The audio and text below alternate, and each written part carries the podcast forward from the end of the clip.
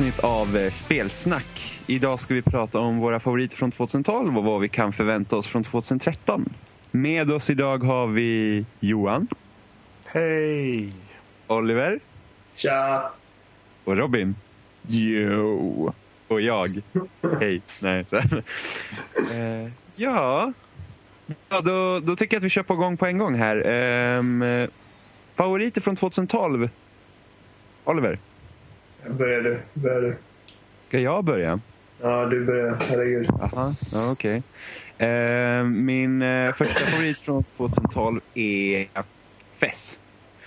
Som eh, släpptes på Xbox Live Arcade förra året. Eh, nu pratar vi lite om det här i eh, förra avsnittet, vårt musikavsnitt, så pratade vi lite om FES.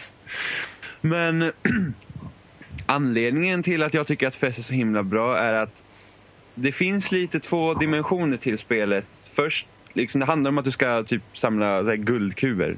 Och, och, och det, visst, man kan göra det liksom, och då får man ett trevligt spel. Liksom. Men, men den riktiga skärmen ligger i de lila kuberna man kan samla. Eh, och det är där liksom de svåra pusslen är. För att, för att, liksom, för att kunna lösa, lösa de lila kuberna så måste man först decifera kod så, som, som man liksom, hela spelet är som ett eget språk som man har. Så, så liksom, överallt kan du hitta hemligheter och sånt för att lösa de Det var väl ett eh, evighetsprojekt det spelet. Men jag har hört talas om det under en väldigt lång period. Ja, det, det var ju... Eh, det var ett pussel så, som, som var riktigt svårt. Alltså det var ingen som kom på det där ena pusslet. Det var, det var en eh, svart monolit i ett rum. Och det, det, det var liksom det sista, det var det sista pusslet som man skulle lösa och ingen hade någon aning om hur man skulle göra det. Och det fick hela internet att samarbeta och försöka knäcka det. Och jag, vet, jag vet inte lösningen på pusslet. Eh, hur, liksom, vad den egentliga lösningen är och hur man hittar det. Men de knäckte koden genom att eh, Ja, uteslutningsmetoden. Man knappar in eh, kodkombinationerna tills man hittar den rätta. Fy fan. Så, att, det- så att det, var, det, det var lite tråkigt. Så jag, jag, idag vet jag fortfarande inte vad, vad den riktiga lösningen är, men så, så var det då. Ja, ja, men jag tänkte ju mer på utvecklingen av spelet. Ja, ja det också. Ja. Ehm, det var utveckling. Jag vet inte när vi första gången hörde talas om det. var 2007 eller 2008 vi hörde talas om det. Och det skulle släppas. Ja, liksom, det skulle släppas 2009 och så gick 2009 och så skulle släppas 2010 och så gick det och sen så ja, till slut kom det ut förra året. Och jag blev inte Ja. besviken. Jag vet inte. Jag hade förväntat mig mer typ ett Braid-liknande spel eftersom det går ut på att man skiftar dimensioner så här. Eller ja, man, man vrider på världen så att säga. Eftersom Ja. det är 2D. Det är liksom en 3D-värld fast i 2D så man kan liksom snurra på den. Eh, så jag hade ju tänkt mig att det skulle typ bli så mindfuck-pussel som i Braid. Det är ju mindfuck-pussel. Ja men det är inte, det är inte mindfuck-pussel för det är aldrig liksom, det är aldrig, nej. Nej. Jag har testat Ja. demon, det är det enda jag har testat och det är mindfuck. Nej men det, spelet är inte svårt. Det är aldrig liksom så bara, åh, hur ska jag vrida nu? För att det är liksom, det är liksom mer som en gimmick i det spelet. Men det var inte bara banor utan FES är liksom ett open world-spel. Du har en karta du kan ta dig över allting. Det var nog Eh. det som gjorde mig så väldigt förvirrad med, med spelet också i början. För jag hade väl också räknat med lite, li- lite mer linjärt. Ja, Men när jag hoppade in och började köra liksom så bara, vart fan kom jag ifrån? Jag är väldigt noggrann med att jag vill liksom gå igenom rum för rum 100% innan jag går vidare. ja. Men här helt plötsligt så bara kände jag att jag bara tog mig längre och längre ifrån. Och jag aldrig riktigt hajade vart någonstans jag var på väg eller vart någonstans jag kom ifrån. Eh, Så tyvärr så hann jag aldrig spela klart det men jag ska definitivt ta och göra det någon gång. Ja, ja men det var ju det.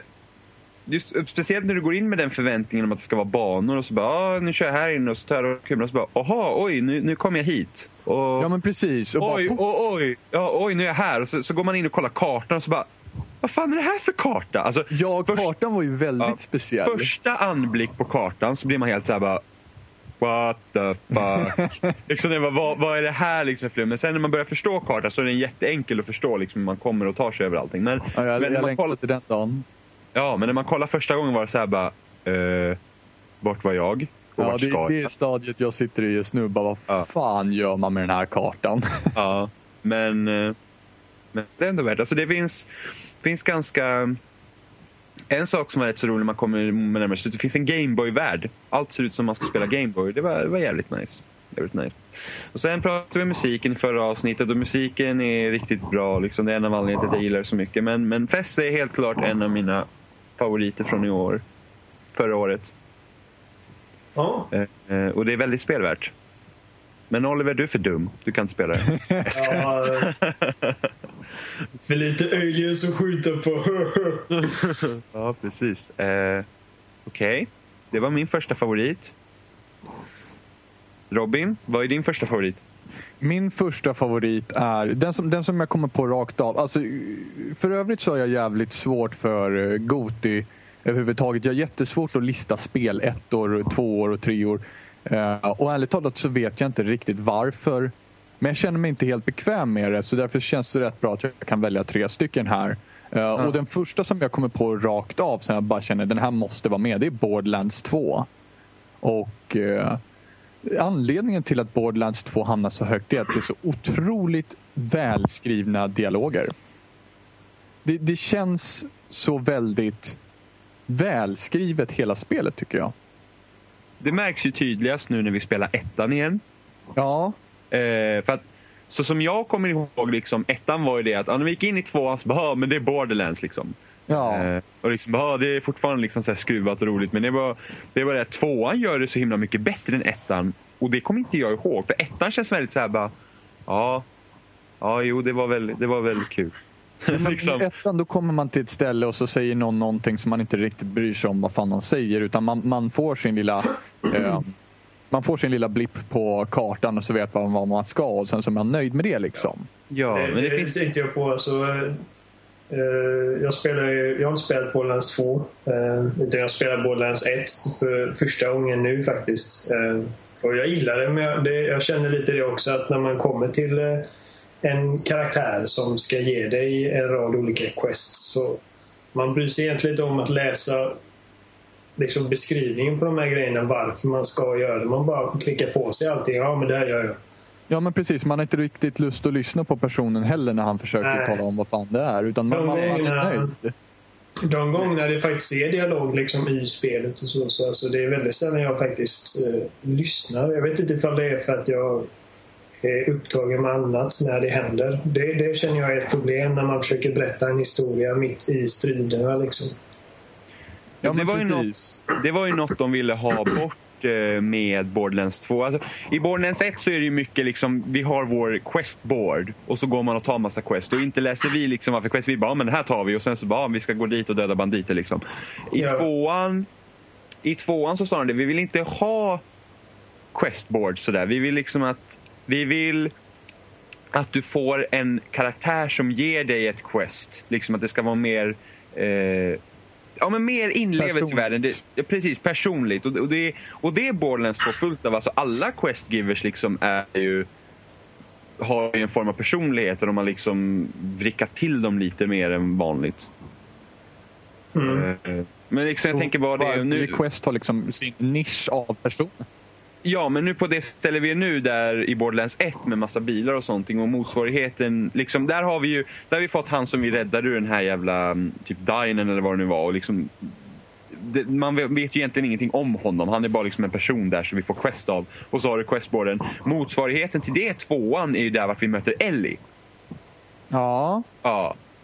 Vi kan ju säga det, det är samma grej. Det, det liksom handlar om det, det är liksom bilstrider och sånt på det liksom planet. Då, så att, ja, precis. Eh, och liksom, medan jag kom, då kommer jag ihåg liksom Ellie, men det här stället, jag kommer ihåg stället men jag kommer inte ihåg vem som är questen för att det är egentligen ingen eh, karaktär av, av den typen. Liksom. Nej precis, eh. jag, jag, tänkte också på det när vi kom dit. Jag bara, det första jag säger när vi kom dit det var liksom, ah, är, det, är det här vi möter Ellie? Och så bara, nej men Ellie är inte med här. Så bara, men vem fan var, var här då? Jag vet att det var någon här men jag har ingen aning om vem det var. Nej. Eh, och det är det som man lyckas mycket bättre i Borderlands 2. De har lyckats få till en story. Det känns mer motiverat att spela vidare. Nu hade vi ju, när vi spelade Borderlands 1 så hade vi, ja men vi ska öppna det här valvet. Och det var ju liksom, det var den enda motivationen genom hela spelet. Medan i tvåan så får vi det här liksom att, eh, då är det ju eh, Handsome Jack som är skurken då. Och, och han liksom teasar en hela tiden genom spelet och bara säger Ja. hur dum han är. Liksom en riktig jävla douche. Eh, Det har, jag, det har jag sett faktiskt. Alltså, jag har Ja. spelat spelet men jag har sett videos på det. Väldigt bra gjort. Det finns väl ingen riktig antagonist i, i ettan liksom. Nej, det, liksom, du ska bara till Valve. Det är ju mer det här eh, företaget Crimson Lancer som vi kommer komma till sen. Som, som, kom, som är liksom företaget som är skurkarna men det är ju liksom inget... Det, det blir liksom subplots till huvudplotten på något sätt. Ja, det är det. Eh, Det man ska ge en eloge till för dem i tvåan är ju det att eh, ettans story gör ju egentligen ingen större skillnad liksom. Men de väver in det i tvåan och får eh, och ge- ger ettans story en större mening. Ja, men precis. Eh, nu ska vi inte spoila någonting här för Oliver som inte spelar eller för andra som inte som, men, men liksom så, så tvåan ger ettan en större mening. Så det är liksom lättare att uppskatta ettans story liksom man kommer in nu och man vet varför man gör vissa saker. Eh, när, man, när man har spelat tvåan. Så att Borderlands 2 är Borderlands fast mycket, mycket bättre. Ja, på i stort sett faktiskt alla sätt och vis. Och det är definitivt så en uppföljare ska vara. Alla gånger. Ja, men alltså, speciellt när du har liksom Borderlands var ett nytt koncept. De behöver inte förnya det till uppföljaren utan de, de liksom tar samma sak och nu gör vi det så bra vi bara kan. Men till en trea så kan vi inte ha liksom då, då måste de tänka om lite.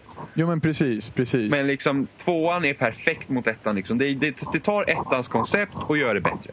Och jag tycker att det är många tvåor man har spelat som har misslyckats med det här konceptet. Vilket Borderlands 2 gjorde väldigt, väldigt bra. Ja, faktiskt. Det, det är lite så. Så det är i alla fall mitt första Gotispel. Ja. Och Oliver, vad är ditt första? Uh, Mass Effect 3. Okej. Eh, men man får säga vad man vill om slutet va. Vi, behöver, vi behöver inte ta upp slutet. Det känns, Nej. ganska Det känns som att du säger man att eh, Mass Effect 3 hamnar på en Goti-lista så pratar man inte om slutet utan det är rätt exkluderat. Ja, men, jag, Ja, men, men det blir ändå att varje gång det, det tas ju ändå upp varje gång. Men alltså, Ja. vi, vi har snackat om slutet förut. Alla andra har snackat om slutet. Alla har läst om slutet. Det spelar, ingen roll. Ja. det spelar ingen roll om man har spelat Mass Effect 3 eller inte. Alla vet om slutet. Så är det bara. Men- Alla vet om att slutet gav en massa rabalder. Alltså, det spelar ingen roll. Jag hatar inte slutet. Jag tycker att det blev bättre med Extended Cut eller vad det blev. Men alltså, oavsett. Det, det slutet kommer inte förstöra helhetsupplevelsen av det Nej. spelet för mig. Eh, Men, men vad är det då som gör Mass Effect 3 så himla bra? Alltså, ja, vad, vad det är som gör just trean bra eller hela liksom serien? Nej, ta, alltså, ta, ta, ta trean.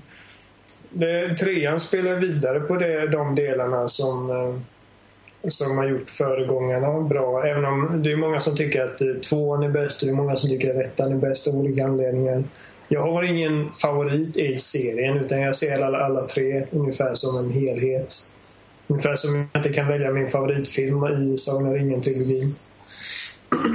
Alla har olika styrkor. Trean är det jag tycker känns allra bäst bara sett till stridsmekaniken. Eh, utan konkurrens. Eh, det känns helt enkelt bra mycket bättre att eh, skjuta och slåss och grejer i det spelet jämfört med tidigare spel. Och i ett spel som eh, cirkulerar kring mycket av, eh, mycket av just den biten. Eh, vilket kanske också är lite synd för att det, är, det finns väldigt mycket potential för att designa uppdrag som inte bara handlar om att uh, skjuta ihjäl saker.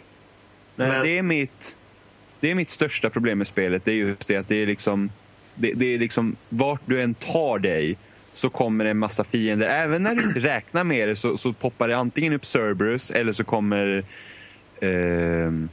vad Reapers. Reaper Force. Ja. Ja, jo. Nej, alltså det, det, det, får man ju säga vad man vill om men eh, striderna känns bättre och känns eh, bättre än någonsin. Ja, verkligen. Det var ju liksom, det var ändå kul ja, eh, att skjuta och sånt. Det är bara man önskar att det hade funnits lite annat också. ja. Men det, jag. och sen tycker jag att det är, en, det är en enormt mäktig känsla genom hela spelet. Att man börjar liksom, när spelet börjar så känns det verkligen helt hopplöst i, i kriget mot eh, de här eh, Reaper varelserna. Eller ja, robotar är de väl inte men det känns verkligen hopplöst i början och eh, för, för alla uppdrag man gör så känns det faktiskt som man kommer någon vart och det är en väldigt mäktig känsla att se liksom galaxen enas för eh, en och samma sak. Eh, särskilt i ett spel som har varit så men genom ettan och tvåan så har man ju hört om vilka dispyter de olika raserna haft med varandra och sen liksom i trean få gå in och lösa många av de här sakerna. Eller förstöra för det, det kan man också göra. Eh, men det är en väldigt bra känsla av progression. Framsteg, att man, att man åstadkommer någonting. Och även ja. om det är väldigt osäkert första gången man spelar det, när man väl kommer till sista uppdraget, ifall man faktiskt kommer klara det eller inte, så har man ändå med sig det bagaget att jag har gjort allt det här mot alla odds och eh, det bara känns, det känns bra redan liksom. För det, det har de ändå gjort bra. Eh, för att genom de två tidigare spelen så har man i princip sått små frön eh, genom storylinen. Eh, och beroende på ja. vad du gör i de tidigare spelen, det löses ju upp mitt i spelen. Liksom, vi har ju, vi har ju, du liksom har ju olika sätt på att lösa Krogan, Krogan eh, förintelsen typ. Mm, eh, precis, väldigt bra uppdrag. Ja, men det finns olika sätt beroende på vad du liksom har gjort genom genom både ettan och tvåan så, så kan ju det utspela sig olika i, i trean samtidigt som med Geth och Quarians beroende på vad det har stått där. Så sådana grejer har man gjort bra. De, har liksom, de här små, små sidohistorierna som de liksom har berättat om i, i, i två spel tidigare, de löses upp mitt i spelet väldigt bra ändå. Ja, vilket ändå är helt fantastiskt för att det måste vara en otroligt svår grej att lyckas väva in.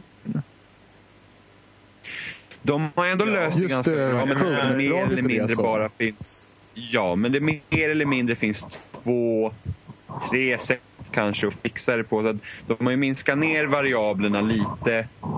Eh, det, det, om, om, vi nu ska dra in liksom slutet också så har de gjort liksom, jag, jag tror att tanken har ju varit att liksom det ska kunna finnas ganska många olika möjligheter men det är svårt att väva in och de ska ändå ha en eloge för att de har försökt och, och liksom till stor del ändå lyckats.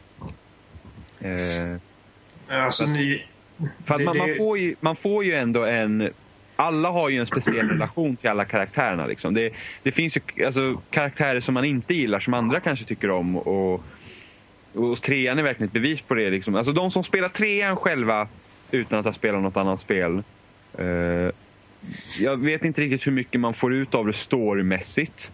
Det känns verkligen som man missar två tredjedelar. Det, det känns speciellt Ja, det, man missar ju verkligen någonting. Eh, det, det, det, spelet mycket lever på är dina band som du har byggt upp på två spel. Ja, definitivt. Eh, och det, det är det som gör trean så bra för oss som har spelat. Alltså jag tror att går man in och spelar trean utan att spela något annat så tänker man ja men det här var väl bra liksom. Men, men ja, jag, jag, kan inte tänka mig liksom att man känner samma sak för oss som har liksom följt serien sedan den släpptes liksom, eh, och byggt upp de här relationerna till karaktärerna. För vi har ju liksom favor våra favoriter. Så känner jag i alla fall Mass Effect 3. Det, det har sina brister och eh, alla vet om det men det är ett riktigt jävla bra spel. Uh, I min åsikt. I vilket fall som helst. Ja, det, det, det, det är ett av dem som, eh, som jag kommer minnas från 2012 i alla fall. Ja. Då går vi över till Johan. Vad har du för favorit? Det var hälften av favorit. Uh, ja. Jag tror jag tar FTL faktiskt. Ja, vad, vad trevligt. Det är väl det spelet som jag har spelat nästan mest av i alla fall. Av spel som är värda att nämna. Ja. Jo, men FTL är ett av de första Kickstarter-projekten som kom upp va? Det kanske är. Jag, jag, jag, jag, är inte riktigt säker, men jag tror att det var ett av de första Kickstarter-spelen som kom upp. Sen, sen, liksom det blev, sen liksom blev verkligen liksom känt i, inom spel. Så att säga. Det är väl ett, ett av få spel där man ska man säga, förlorar jävligt ofta i men, men jag ändå fortsätter att spela. För ofta brukar jag ge upp ganska fort även om jag får röven spöad in i helvete. Ja, det är ju inte så långt heller. Man kan ju klara ut det på en halvtimme om man har tur. Ja, ja. Men det gäller ju att man kommer någonstans också. Ja. Har, har du klarat ut det någon gång? Nej, men jag har spelat i vad är det, tio timmar typ. Ja. Nej, jag har inte heller. Jag har kommit till sista bossen. Jag, jag blev ägd. Ordentligt. Och det gör att man hittar hela tiden så här, liksom, nya lösningar när man ska lösa liksom, problem när man blir attackerad eller och så vidare. Ja, ja och när man liksom väljer att skicka in, liksom, om, är det värt att gå och försöka rädda de här Även Ja. fast jag kanske förlorar en... Alla val och så vidare. Ja. Men Det är väl ungefär som, alltså spelet är upplagt som gamla liksom typ textäventyr liksom. För att man kommer hela tiden till nya rum. Kan man säga. Ja, Och så när man ja. kommer in i det nya rummet så får man ju reda på liksom så här att här finns ingenting eller här finns någonting. Och, och så får man liksom välja vad man ska göra. Om man nu ska rädda några personer eller om det finns en fiende eller så vidare. Och sen kan man ju ha himla otur med, eh, med, med hur, hur eh, resan liksom går. Beroende på om du kan välja om du vill gå in i civilian areas eller om du kommer in i hostile areas eller om du kommer in i så här nebulor så du inte ser någonting på raden och sådana Ja, grejer. Och det är ju helt random genererat beroende på liksom vilken väg du tar. Jag har väl mött på två gånger eller någonting som har typ blivit att jag hade typ eh, eh, de har något efter sig liksom. Att de, för man blir helt enkelt jagad också. Så, så, Ja. så stannar man liksom i den tidiga delen av eh, den nya världen eller så, då, så, så kommer vi kappen och så går åt helvete. Och jag har varit med om några gånger att för att komma framåt så måste jag gå bakåt flera steg. Ja. Och innan de hinner gå bakåt och sen framåt igen så har de kommit ikapp mig och det är kört. Så eh, Ja. det finns ju förmodligen det, det finns liksom lite problem med, med Ja, random. Precis. Liksom Men- ibland så har man ju otur. bort ganska fort. Ja, men man har ju tur också såklart. Det jag märkt när jag spelar FTL är att jag eh, till slut blev det så att jag tog mig aldrig fram alldeles för fort för jag var alldeles för svag när jag började närma mig slutet. Liksom jag hitt, i, nästan inte hittade någon uppgradering till vapen och sånt Ja, där. precis, man måste ju ta det lugnt fast inte liksom vara för seg. Så att det, Nej, precis. Och sen... Eh, eh, det värsta är ju liksom, jag har märkt att jag har absolut svårast att hålla i eh, fuel. Att liksom låta få det räcka. Mm, jag, brukar, jag brukar glömma bort det hela tiden och så, aj fan. Ja, och sen när fuelet tar slut så, så blir man liksom strandsatt mitt i galaxen så här och så får man, eh, så får man skicka ut en, eh, en signal då eh, liksom, så att någon kommer och hjälper en. Och då kan det ju antingen kan det komma snälla som hjälper en, liksom man får köpa fuel eller någonting. Eller så kan det komma banditer som försöker råna dig. Eller så kommer flottan i ikapp som jagar dig och då är det kört. Liksom. Men det, är- det är ett jävligt, det, det är jävligt eh, beroendeframkallande. Liksom. Man tänker Oh, fan en gång till. Ja, precis. En gång Och, så, till. och som sagt, att även om man liksom så här, liksom, eh, får spö liksom, första liksom, världen av någon så här konstig anledning så är det liksom så här, "Oj, helvete nu kör jag igen liksom. Ja. ja, men så är det ju. Så att det, Men, men det, är det liksom fast-paced trial and error modell eller är det liksom lite mer långsamt Det är väl egentligen meningen att det ska vara liksom långsamt men i början när man liksom inte fattar ett skit överhuvudtaget så dör man hela tiden. Och, men man kastar sig ändå in i det liksom fort igen. Så det, Jag skulle inte riktigt kalla det trial and error. För att, Nej, liksom, för att det är inte så att ah, men, fan det gick inte den här gången, nästa gång gör jag så här. Eftersom banan ändrar sig varje gång. Du kan aldrig vara säker på vad du kommer få fram. Men du får erfarenhet och lär dig liksom ungefär hur du ska kunna lägga upp. Liksom, vad ska jag spendera mina erfarenhetspoäng på? Eh, hur snabbt ska jag ta mig framåt? Är det värt liksom, att rädda folk där? Liksom, behöver jag mer vilken crewmedlemmar? del av fiendeskeppen ska man attackera först? Precis. Jag brukar, jag brukar alltid sikta på deras vapen först så de inte kan attackera mig. Och sen, man, ska ta, man eh, ska ta skölden först och sen vapnen. För tar man skölden först så slösar man inte raketer om man har raketer. Oftast så Ja, tar nej, det är sant. raketen Eh, skölden. sen beror det lite på hur starkt, eh, hur starkt skeppet är. Är det ett starkare Ja. skepp och de har mycket sköld, då brukar jag gå på skölden. Ja, precis. Men i början så brukar jag ta vapnen först för att det är onödigt att ta skada när man ändå kommer igenom skölden. Liksom. precis. Men, men eh, det, jag också tänkte på, är, är det någon gång som man liksom, eftersom det är slumpgenererat sådär, är det någon gång som man, eh, man, man går in i eh, vad heter det, ett område och så uppgraderar man den här och de här sakerna och sen så hoppar man in i nästa område och så bara fuck det här var precis det jag inte hade uppgraderat inför och så bara quittar man. Eh, jag, nej, jag har nog aldrig råkat ut liksom för någonting att jag känner bara shit, jag uppgraderar fel saker. Liksom, så att banan Nej, ska för ha att, gjort för att, för att olika, olika saker är ju bra för olika saker så man får ju tänka på olika sätt bara när man använder dem. Ja, Men de man- funkar ju till allt. Liksom. Man tänker lite på sin egen spelarstil. Liksom. Vad, vad, liksom, vad ska man satsa på? Det, det, det är sällan liksom banan strular till det för dig med dina uppgraderingar. Okej, okay, det är mest folket runt omkring i banan som kan ställa till det för dig? Alltså. Ja, alltså du, det är ju... Eller de har att du måste ändå... anpassa ditt spelsätt eftersom... Efter ja, precis. Du, du, ser ju liksom när du åker ut och får välja vart du ska åka. För man får... Man, man kommer liksom till, till ett, en galax eller vad det nu är, ett solsystem eller någonting sånt. Eh, och så åker man igenom det och sen eh, när du ska till nästa solsystem då får du välja ofta mellan två vägar. Och där kan du liksom se lite vad det är för typ som kommer vara där. Och efter det kan du välja. Liksom. Så vill du köra en fredligare väg och inte vill möta så många eh, fiender och sånt så kan du försöka gå igenom civilian areas. Liksom. Okej, okay, så man kan alltså förnimma på ett ungefär vad som kommer slumpgenereras framöver?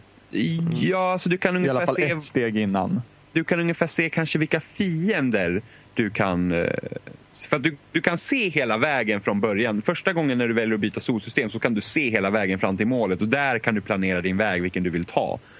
Eh, så då kan man tänka lite i förväg. Liksom. Jag, har haft, jag har haft en runda där jag, den gången jag kom till slutbossen så körde jag, då var jag helt genom fredliga områden ända till slutet.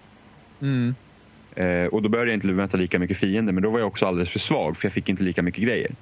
Ja, ja okej. Okay. Så, så det gäller lite... att planera ut efter det också? Precis. Men det finns ganska roliga funktioner ändå i spelet. Liksom, eh, man kan liksom köpa en teleport och teleportera över sina egna folk till eh, motståndarskeppet. Så kan man gå in dit och försöka döda deras crewmembers. Liksom. Eh, eller så kan de teleportera in. Det, det är det jobbigaste som finns ja. om gör det. Helt det värsta, är, ja, det värsta är om man är i Nebula liksom, och då och då, och då har man ingen radar heller så då ser du inte vart de är inne i skeppet förrän du är i samma rum.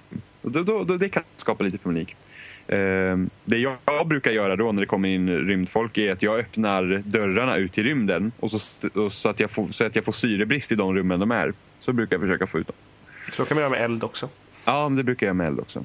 Uh, så, så det är ändå en intressant mekanik att de ändå tänkt på liksom att okej, okay, nu, är de, nu, nu har liksom alien kommit in hos mig. Då öppnar jag liksom dörrarna ut till rymden och tar ut syret från de här rummen. Så det är ändå, det är liksom, det, det, det, det är enkelt men ändå liksom avancerat. Ska jag säga. Det är logiskt.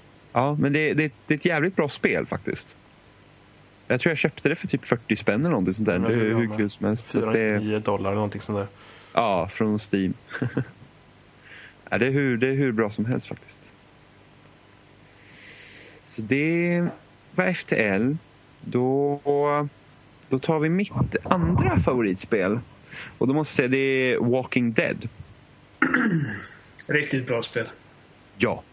Um, Riktig sleeper hit. Ja, det, det byggde väl upp ganska... Var väl liksom, folk var positiva till första episoden och sen... Jag tror ja, det tog fart. När man väl spela det var ingen som trodde på det när det utannonserades. Nej, alltså det var ju Särskilt inte med Jurassic Park i... Uh, Nej, alltså Telltale hade väl ändå gjort, alltså jag tror ändå Sam Max-spelen de gjorde var en, blev ändå rätt så, de fick ändå rätt så bra kritik för dem men, men Jurassic Park fick väl jättedålig kritik och sen vet inte jag om uh, Back to the Future heller var så himla bra. Det var jag, inte, jag kommer inte ihåg vad det fick riktigt. Jag har inte spelat ett Telltale-spel på uh, 15 år tror jag. Så att jag är inte riktigt familjär med vad de har gjort de senaste åren. Men eh, herregud, det är du som ska snacka. Säg. nej men prata på du också spela Walking Dead. Ja, eh, jag nej, men jag, alltså, jag bara reagerar på för, första, första episoden släpptes ju, ja, när var det? I somras? Maj. Maj. Maj. Eller slutet av april. Ja, i vilket fall som helst. Så eh, i och med att serien har ju fått väldigt mycket uppmärksamhet. Uh, och uh, det är liksom The Walking Dead kom lite från ingenstans för mig. Jag, jag, jag har alltid älskat den här zombie-grejen. Ifall det görs bra. Uh, då kommer jag från den här liksom barndomen där varje gång man såg en film i videobutiken med en zombie på så gick man hem och såg den. Och i många fall så sög det ju men det var ändå zombies liksom. och så kom jag i EMC's Walking Dead på TV, eller på amerikansk TV. Och eh, så blev det en jättestor grej och sen kom Telltale-spel. Första episoden så kostade det, var det 400 Microsoft points eller vad det var. Eh, och jag tänkte, men herregud, jag testar bara. Och så, så köpte jag hem det och jag kommer ihåg liksom att jag hade inga, inga förväntningar överhuvudtaget egentligen. Eh, men jag, i slutet av den här episoden så kände jag bara att men jag, jag, vill, jag vill fortsätta det här. Och det trodde jag inte. Och det blev ju bara bättre och bättre i min, eh, i min mening. Ja. Ja. Eh, vad skulle jag säga? Eh, jo, jo, för jag kommer ihåg du, du, du köpte det. Ja. Och du sa till mig, ah Jim, alltså jag, jag testade det här Walking Dead, så här, det, det, var, det var ändå rätt så bra. Så här. Jag bara, Ja, precis. fan, alltså jag, är inte, jag är inte jätteförtjust i tv-serien även fast jag kollar på den för det är zombies liksom. Men eh, jag var så här, bara, ah, så här, men du bara, ah, men det är bara 400 poäng. Så här. Ja men okej då, jag köper det. Så, så körde vi första episoden och jag bara, ja men det var väl bra liksom. Det, det, det, var, det var ju rätt så intressant. Så jag kan köpa nästa episod också när den kommer.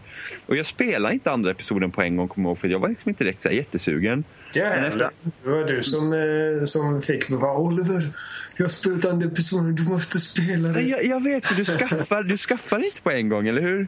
Nej. Andra episoden. Nej, jag gjorde det och sen så det tog typ två veckor innan jag körde igenom och sen när jag spelade jag bara Oliver, det här, det här kan vara det bästa vi har spelat i år.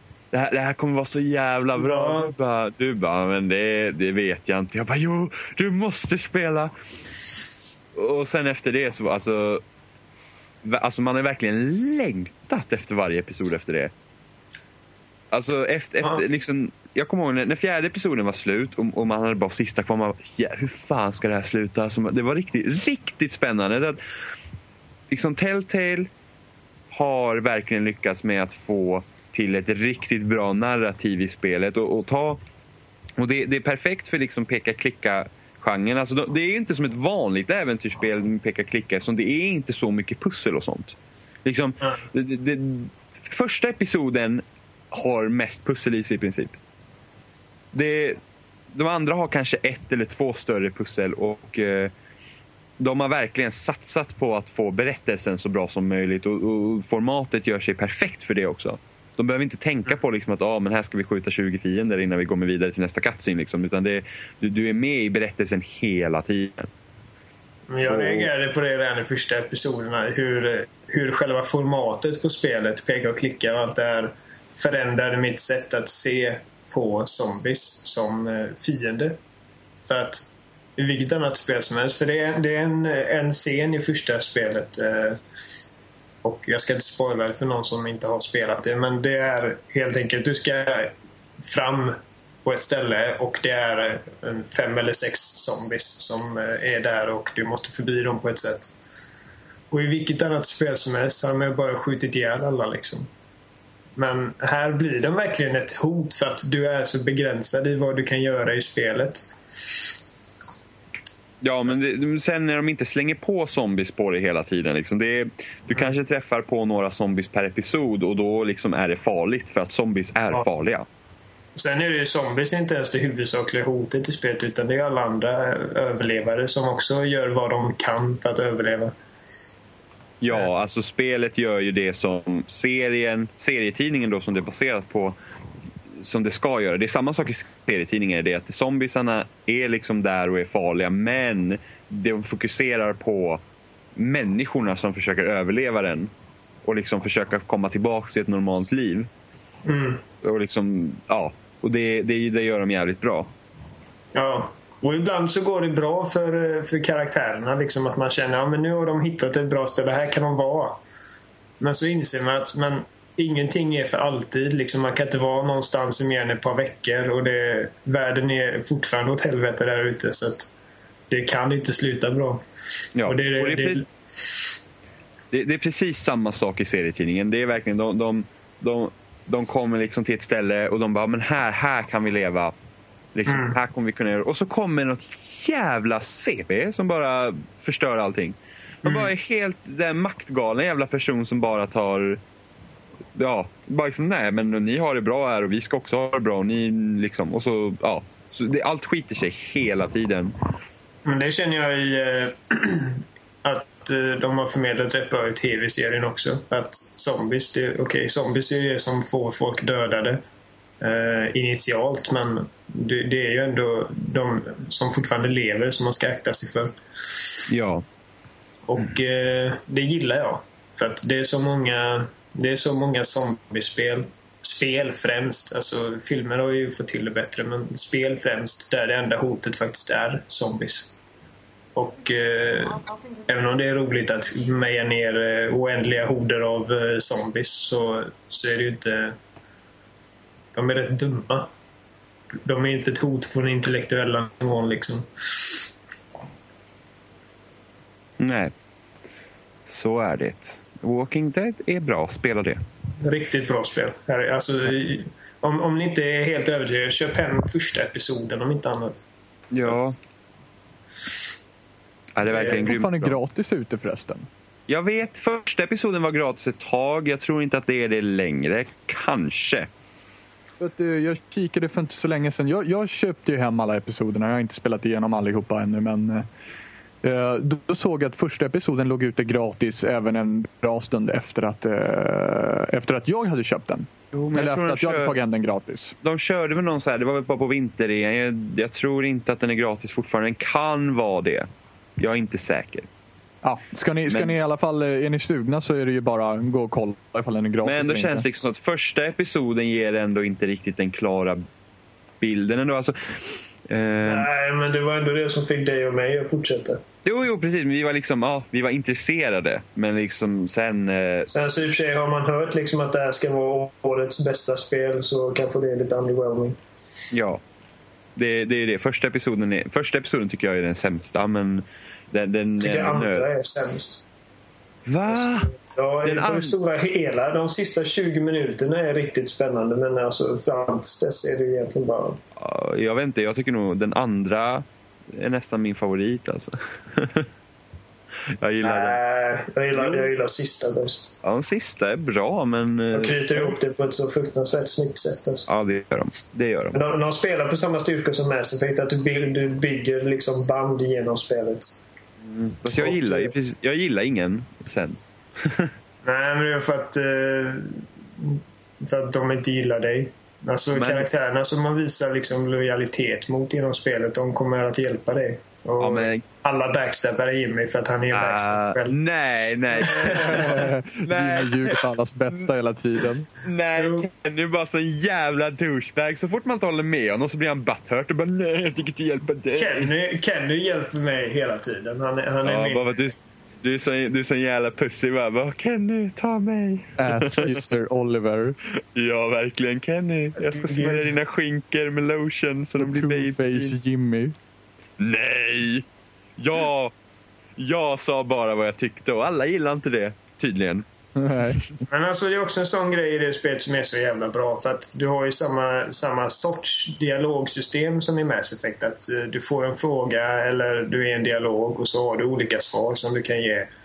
Och många gånger så har du en väldigt liten tidsfrist på dig så att det blir att man svarar man svarar helt enkelt det här hade jag sagt och så tar man det utan att riktigt tänka efter för att det är liksom vad jag hade sagt i verkligheten. Och sen så märker man att för det finns liksom inget sånt där eh, good versus evil system som håller koll på vad du gör. Eh, och det, det, är ett problem som jag har med spel som låter dig vara lite douchig eller väldigt snäll som i Mass Effect. Att spelet håller koll på det väldigt duktigt åt det. Du får liksom bonusar ifall du spelar igenom hela spelet som väldigt snäll eller väldigt ond. Och eh, till slut blir det att man väljer bara ett alternativ eh, på automatik för att du vet att ja, men min gubbe är snäll. Ja. Medan i spel som detta och Skyrim så finns det ingenting som säger åt dig att uh, här, här ska du välja detta för att du vill fortsätta på den vägen som du valt. Nej, det är, liksom, det är, ing, det är inget svart och vitt. Allt är grått liksom, mer eller mindre.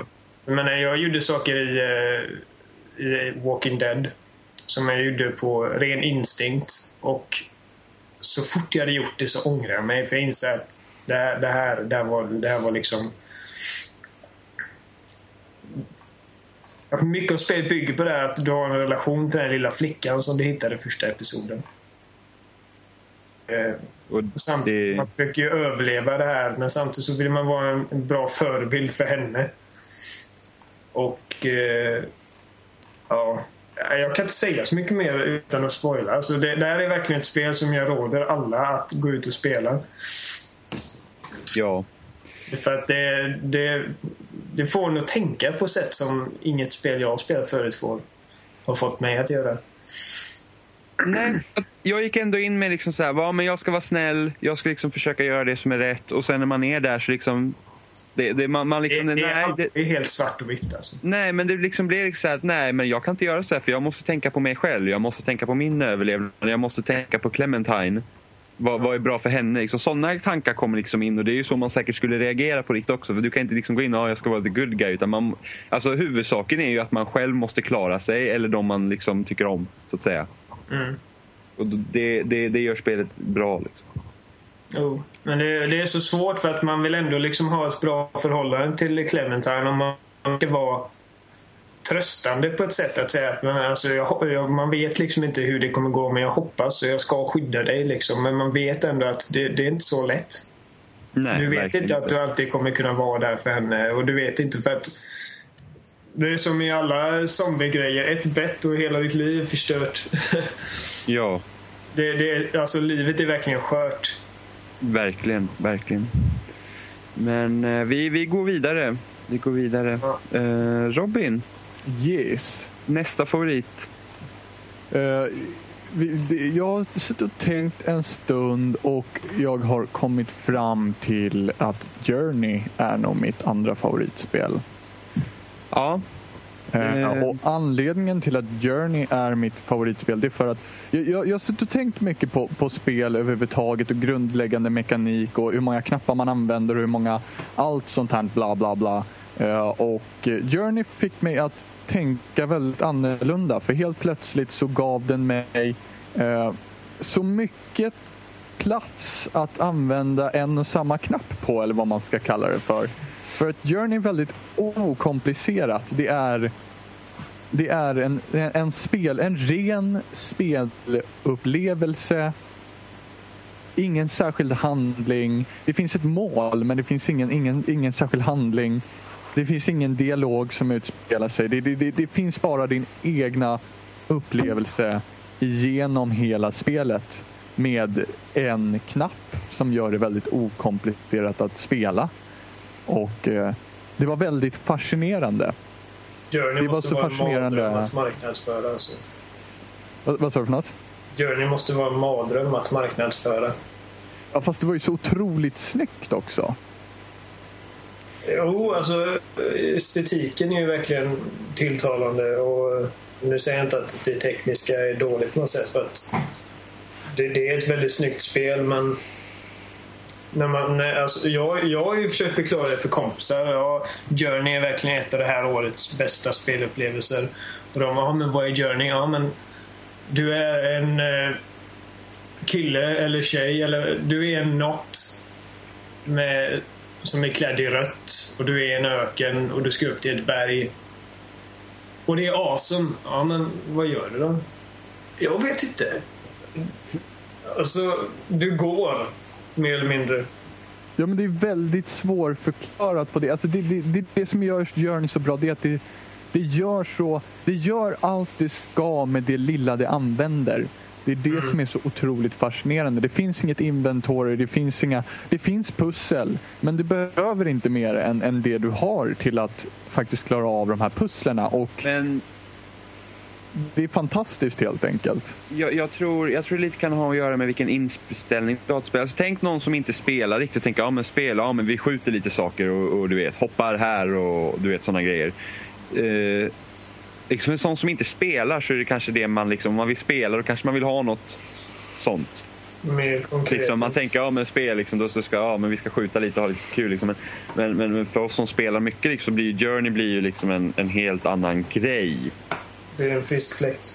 Alltså, jag, jag måste ändå säga att jag, jag tror att det, alltså Journey borde ändå uppskattas av de allra flesta i och med att Journey är också rent, rent skärt inte underhåll, men, men det är kul hela vägen igenom. För att det, det hela tiden kommer framåt. Jo, det är men engagerande det sättet. Det, ja. ja, men det beror, det beror ju på vad du har för, för, för inställning när du går in och ska spela. Ja, alltså precis. Som, jag hade någon... ingen inställning. Jag nej, var nollställd, jag visste nej, ingenting. Nej, men du har ju också större koll på, på spel än vad, vad många andra har. Liksom. eh.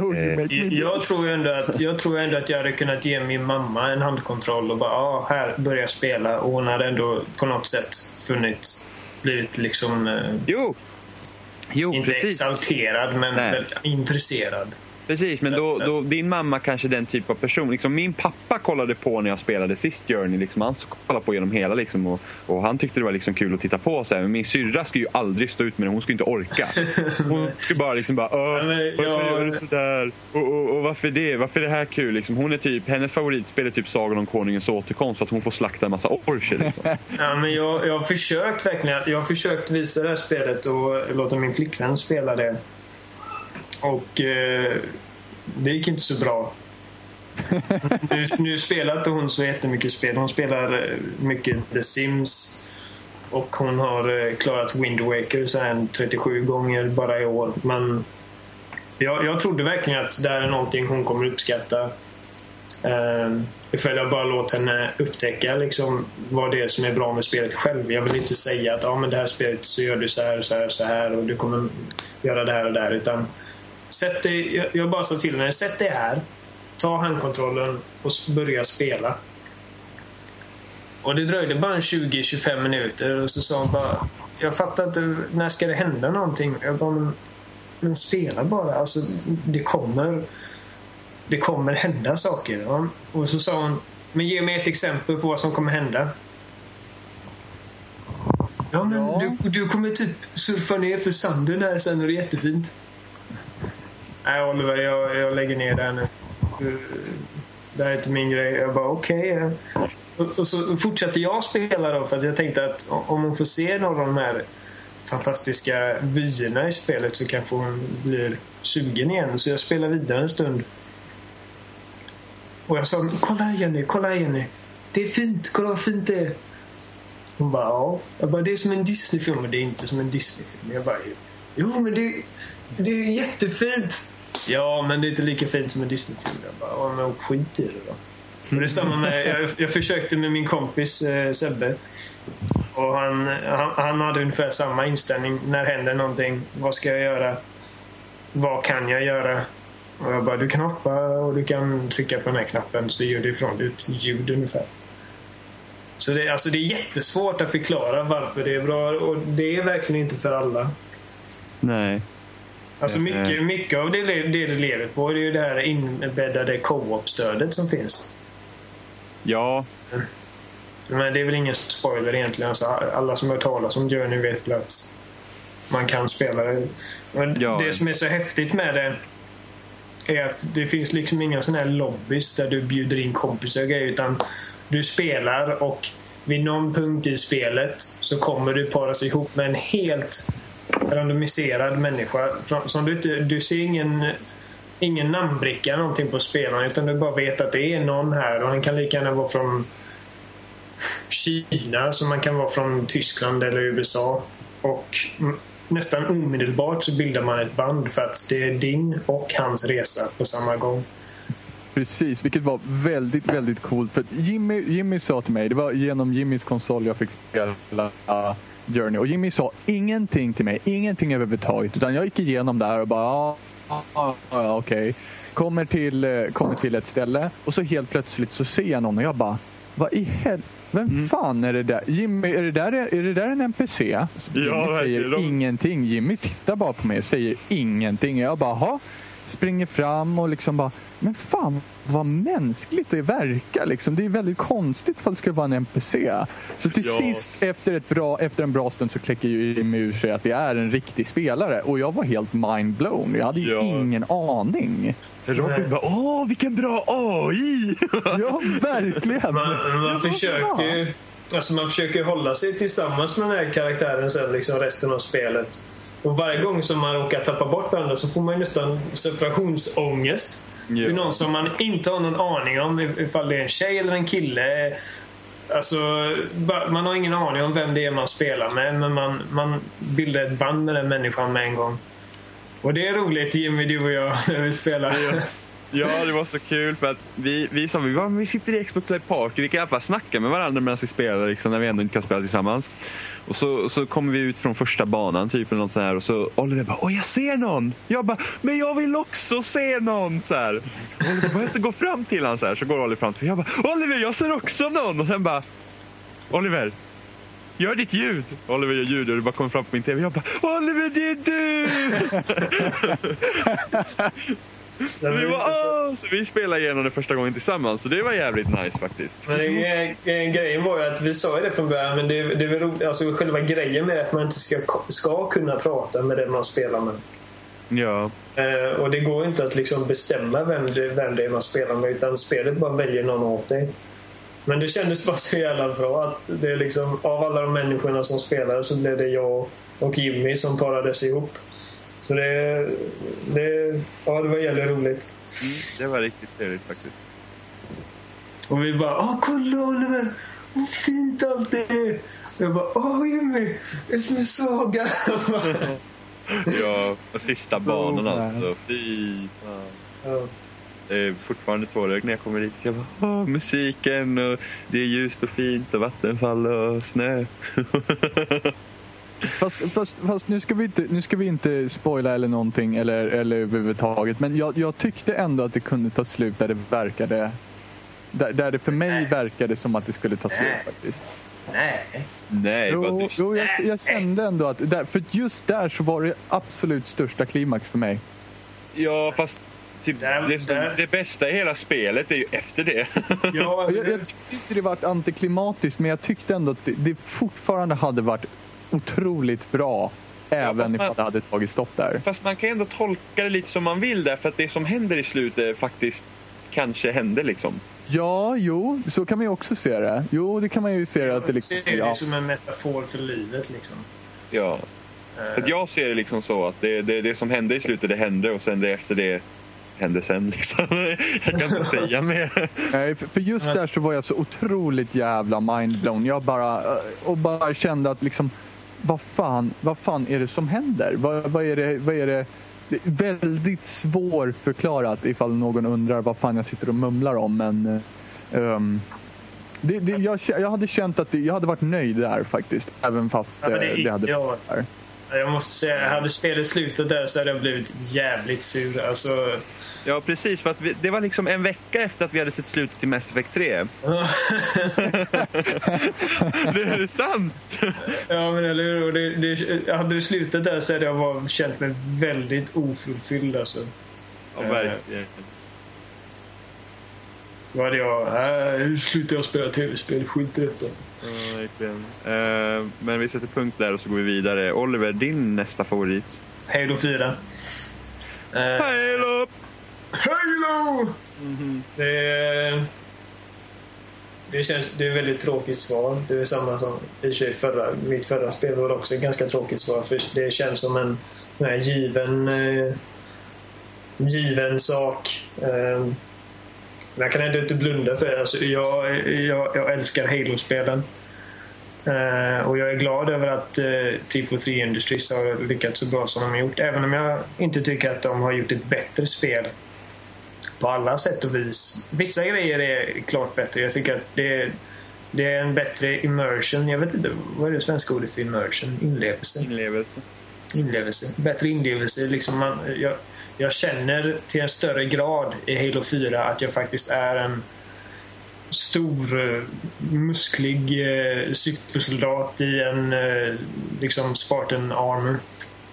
Och eh, Eh, även om själva storyn i kampanjen kan vara väldigt nonsensical för någon som inte har läst böckerna och allt bort något så är narrativet bättre än vad det varit förut.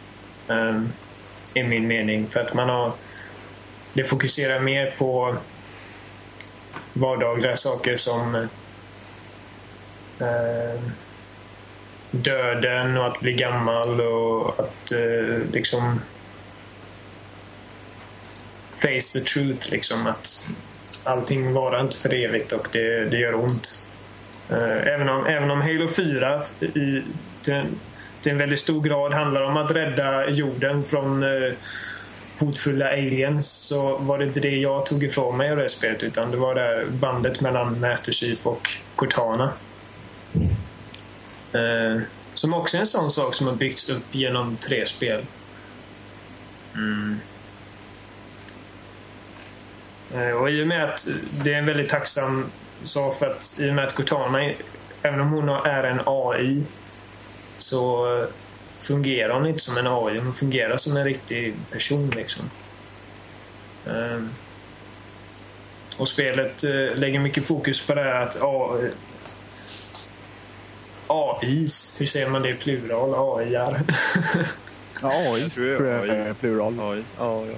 AIs, de, eh, de har liksom en expiration date, alltså att någon gång så kommer de att eh, falla sönder och bara liksom eh, sluta fungera. Och det är det som händer med Cortana i det här spelet. Att eh, hon börjar... Hon, hon kommer att dö egentligen. Alltså, en AI kan inte dö, men hon kommer dö. Ehm, så kampanjen tycker jag, om vi ska ta en enskild beståndsdel från det spelet Eh, så är det kampanjen jag tycker de har lyckats allra bäst med. Multiplayen, det är fortfarande roligt. Alltså spelet bara till, till den mest... Om man bara ser till spelmekaniken och hur det känns att uh, spela Halo 4 så känns det bättre än vad det någonsin gjort i serien i min mening.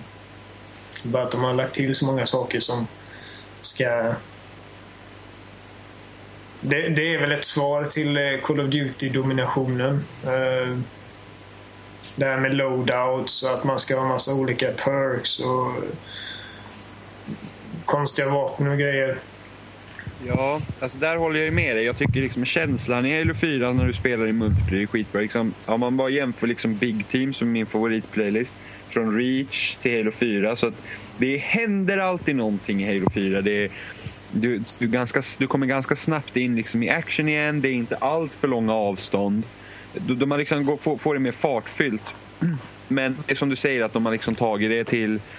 Det, Bungie satte dit loadouts men de hade eh, playlist-specifika loadouts vilket gjorde att ja, men den, här, den här perken eller den här armor abilityn den funkar inte i den här playlisten. Så då, då får inte den vara med här. Eh, vilket, vilket blir ett problem i Halo 4 när du har tillgång till allt det här överallt. Liksom, då blir ju vissa grejer blir ju för bra på vissa ställen. Till exempel eh, läget Dominion där. Där borde inte osynlighet ens få vara just när, när man skyddar sina liksom, platser som man har. Men jag tycker inte att osynlighet blir ett större problem i en viss playlist. Ja, jag, jag känner hatar osynligheten i vilket fall som helst. Ja, jo. Jag, jag gillar inte heller osynlighet. Men jag tycker att problemet är större i vissa objective-based playlists än vad det är till exempel i Big Team. Visst är det irriterande att dö av en jävla osynlig sniper men, men liksom, det är ännu värre när tre stycken sitter osynliga i Dominion och man har ingen aning om vart de är. Mm. Och enda, liksom, egentligen enda chansen att liksom se dem är då att själv gå in med osynlighet så de inte vet vart man är. Jag vet inte om jag tycker att Bungies sätt att lösa det på var bättre i teorin. Alltså det blev ju mindre sån här dra ut håret från eh, skalpen. Eh, I ren frustration. Men jag tycker att om man ska tillföra massa olika abilities och eh, olika färdigheter. Då tycker jag att det ska vara någonting som är liksom samma genom spelet oavsett vilken playlist det ska vara. Däremot så ska man ju försöka se till att de grejer man har i spelet ska funka i alla i alla förhållanden också. Ja, det hade ju varit bättre. ja. Eh, jag tycker att eh, om, det, om det är någonting jag alltid älskat Halo för och det är det som har gjort att jag har åter, återkommit till Halo-spelen i, i multiplayer genom alla år är att det har alltid varit på lika villkor. Att alla spelare har tillgång till precis samma sak som du har.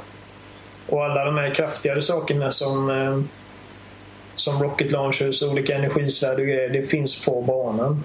Eh, för vem som helst att plocka upp. Medan i eh, Halo 4 så har du en, två, tre, fyra, fem, sex, sju olika primary weapons du kan välja mellan. Och så har du tre olika secondaries och så har du tre olika granater. Du har säkert 20 olika perks att välja mellan och sen har du ju en åtta eller något sånt där armor ability. Så att, Alltså personal ordnance. personal ordnance. Um, personal ordnance tycker inte jag, att jag tycker inte att det är ett lika stort problem som till exempel boldshot där. Um, Nej, jag håller med. Jag håller ändå med. En, en sak som hade kunnat göra Person Ordnance bättre, det är det att alla på banan ser vad som droppar ner. Ja, egentligen. och att det kanske Alltså- dro- droppar ner på lite random ställen. Nej, alltså är det din personal ordnance så tycker jag ändå, då, då tar du fram det. Det, det är som din, det är som ditt, ehm, det är som dina killstreaks i princip i, i Call of Duty, liksom en sån care package. Men, men liksom, okej, nu, tar någon, nu, nu, nu tar någon en rocket launcher och droppar ner den. Då kan ju vi se den som ett, ett, ehm, en symbol, som man gör för andra liksom, eh, Ja, eh, vapen. Det kan man kunna ha gjort, eller att det liksom står att den här spelaren droppar nu en rocket launcher. Då jag vet vi att- Nej, men Ja. Då vet man så här, okej nu har andra laget fått en rocket launcher. Då vet vi om det. För det är ju något som jag tycker är ett problem. För i andra Halo-spel som alltid vet, okej rocket launchern är borta. Vi har den inte. Då vet vi att andra laget har och då kan man vara försiktig. Nu är det så här, ah, jag går fram till killen, åh han hade en rocket launcher, jag är död. Ja. Det är det störande med, med det- Ordnance. jag vet inte hur många matcher man har liksom hoppat in i och sen så och sen så har andra lag liksom suttit där med, med kanske fyra stycken otroligt bra power weapons utan att man haft en, en, en aning om det. När man blir beskjuten av beam rifle och eh, binary rifle och incinerator cannon och liksom allting på samma gång och man bara så här, när hände det här? Ja, alltså det är liksom när man har typ, när man, speciellt när man kör på en liksom ganska öppen bana som Ragnarok och så har du motståndarlaget typ fyra snipers. Då bara, hopp. Ja men precis, liksom, när, när hände det här? Hur kommer det att vi förlorar? Jo, det är för att de sitter med alla power weapons. För att de har haft tur och fått tag i dem. Inte, inte bara tur för att, för att du, du, det krävs ju ändå att du får någon form av killstreak för att faktiskt få din personal ordnance. I och för sig Ja, så fast- räcker det med assist fast- också men... Jo, men det är ju ändå tur. Liksom. Du kan ha oturen kanske få... Vi säger att du får overshield, needler och plasmagranater i, som du kan välja mellan i första person ordnance. Men en annan kan få typ sniper, rocket launcher och eh, eh, damage boost. Ja, men Jag såg en video på en kille. Han räknade ut exakt eh, hur stor chans det är att få alla olika vapen Eh, i, eh, i din personal ordnance. Jag tror att en rocket launcher är kanske en på åtta. Uh, och snipern är två på åtta eller vad det är. Så att det, det blir liksom, det tillför ett, en, en randomness i matcherna som jag inte riktigt uppskattar. Alltså, det är ju väldigt roligt för en själv att man, man har kommit upp i sju kills och så får man välja mellan olika tre vapen och det är ju roligt så sätt. Men det, det, det ruckar ju på balansen och eh, och även eh, taktiken i spelet tycker jag. Ja, det blir roligt aldrig- för en men det blir tråkigt för sju andra. du kan aldrig liksom förutse och göra kalkylerade eh, eh, kalkylerade moves i det spelet för att du vet aldrig riktigt vad de andra killarna har för någonting. Nej, jag har egentligen ingenting emot att de har ett läge som har lite mer party-feeling. Men jag skulle ändå, jag skulle ändå föredra om vi skulle kunna få ett vanligt Team Slayer. Ja, alltså det fanns ju Slayer Pro. Eh, men anledningen till att jag inte körde det var att då har man inte ens någon radar. Eh, och sen var det inte så många som spelade den playlisten heller. Nej. Den var ju borttagen till sist också va? Ja. Ja. Men det, Ja, det var alltså, så. jag, jag hade spelat den bra mycket mer ifall, ifall man faktiskt hade haft radar. För att jag blir, jag blir helt disorienterad utan den. Alltså det, det är enda spelet som jag, alltså, som, som jag faktiskt håller koll på radarn. Ja. Men Eh, det, nej, men annars Halo Men- 4 är ändå ja. bra. Det är ändå ett bra första försök från Det är- 343. ja, verkligen. Alltså, det, det är ju deras första, första egna spel de släpper. Det, Och, första stu- eh, ja, det är det första studion släppte. Eh, och eh, jag är glad att de har varit så måna med att hålla kvar känslan av Halo. För det känns ju fortfarande, fortfarande som Halo. Ja. Och alla de här förändringarna som har gjorts, det är ändå någonting som jag ser det som nödvändigt för att serien ska ha liksom ett existensberättigande. En, en, en gammal spelserie måste utvecklas för att för att liksom vara aktuell. Och eh, jag förstår vad de har försökt göra med det, bara att jag inte riktigt uppskattar det. Eh, ändå är, alltså, nu låter det ju som att jag verkligen tycker att multiplayer suger. Det gör jag inte. Jag tycker jag har haft jätteroligt med multiplayer. Det är bara att det, det liksom ruckar lite på vad jag alltid har älskat med Halo som spelserie. Precis. Um, så att... Det ska bli spännande att se vad de gör med Halo 5 nu när de har ett spel ute och liksom kan lära sig av det. Ja, eh, men Frank O'Connor har ju sagt det att eh, att eh, de gjorde misstag och grejer men han, han, är ändå stolt över vad de har åstadkommit. Och eh, det tycker jag att han ska få vara. Uh, för det, det, är väldigt bra, så fruktansvärt snyggt också. Alltså. De är ja, väldigt duktiga rent tekniskt. Och uh, uh, ja, det ska bli kul att se vad de gör i framtiden. Ja, det ska det. Det är en sån grej jag tycker är väldigt uh, intriguing med Triple som studio. Att alla som jobbar där jobbar där av en anledning, för att de älskar Halo.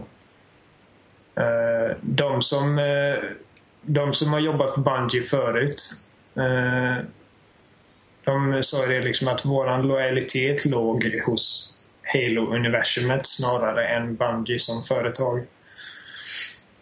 Och det är väldigt många olika människor från olika studios som, som jobbar där nu och det är väldigt duktiga människor.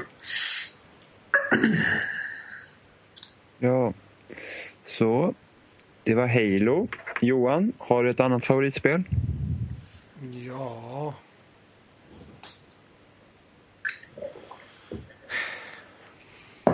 Nej. Jag har nog fan torrt på det alltså. Okej. Okay. Uh, nej, du måste inte. Men gör om misstaget igen. Nej, jag ska.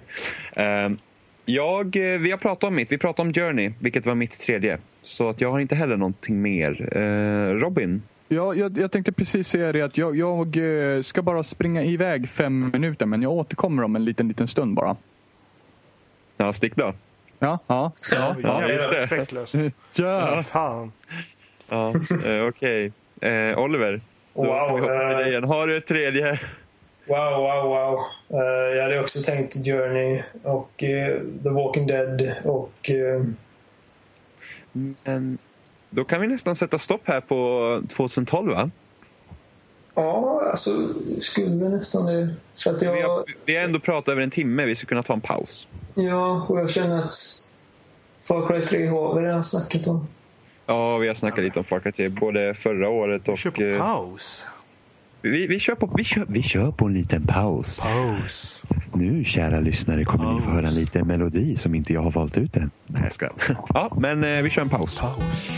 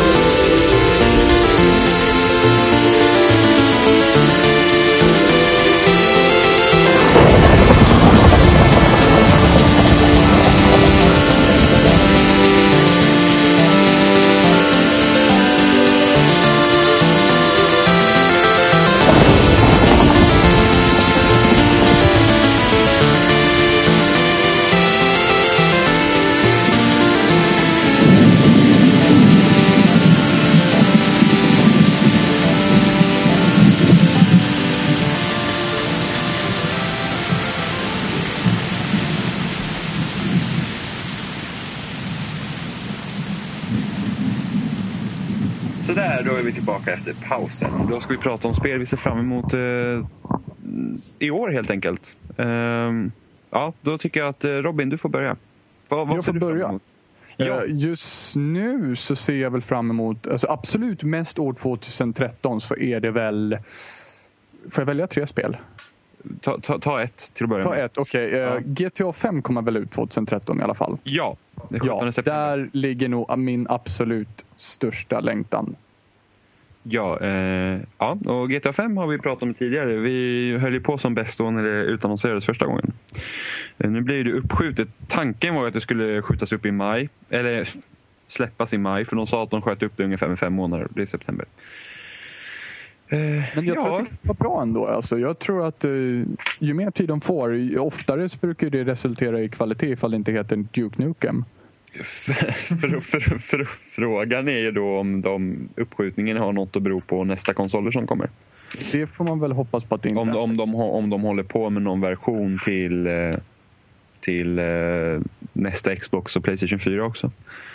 Ja, det, det, det, kan ju vara det att de behöver optimera eller så, så kanske de, ja, och så får de ju extra tid också på sig att optimera spelet ännu bättre. Liksom. Jag är ju liksom villig att ge Rockstar den tiden. Alltså, Rockstar, behöver de mer tid så ska de få mer tid för de, de gör jävligt bra spel. Det är bara det att... Jag har, det, det, är verkligen så här, var det något spel som jag verkligen inte trodde skulle skjutas upp så var det GTA. Eftersom det var ju liksom den, det, det är den stora motståndaren till alla andra spel i vår som skulle komma. Mm. Men, eh, Men om det skjuts upp till september, tror inte ni att det kommer skjutas upp ännu längre fram då mot eh, julhandeln?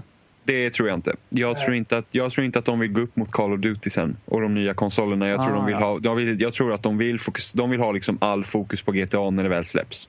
Mm. GTA 4 kom väl i april eller mars eller något sånt där va? Ja.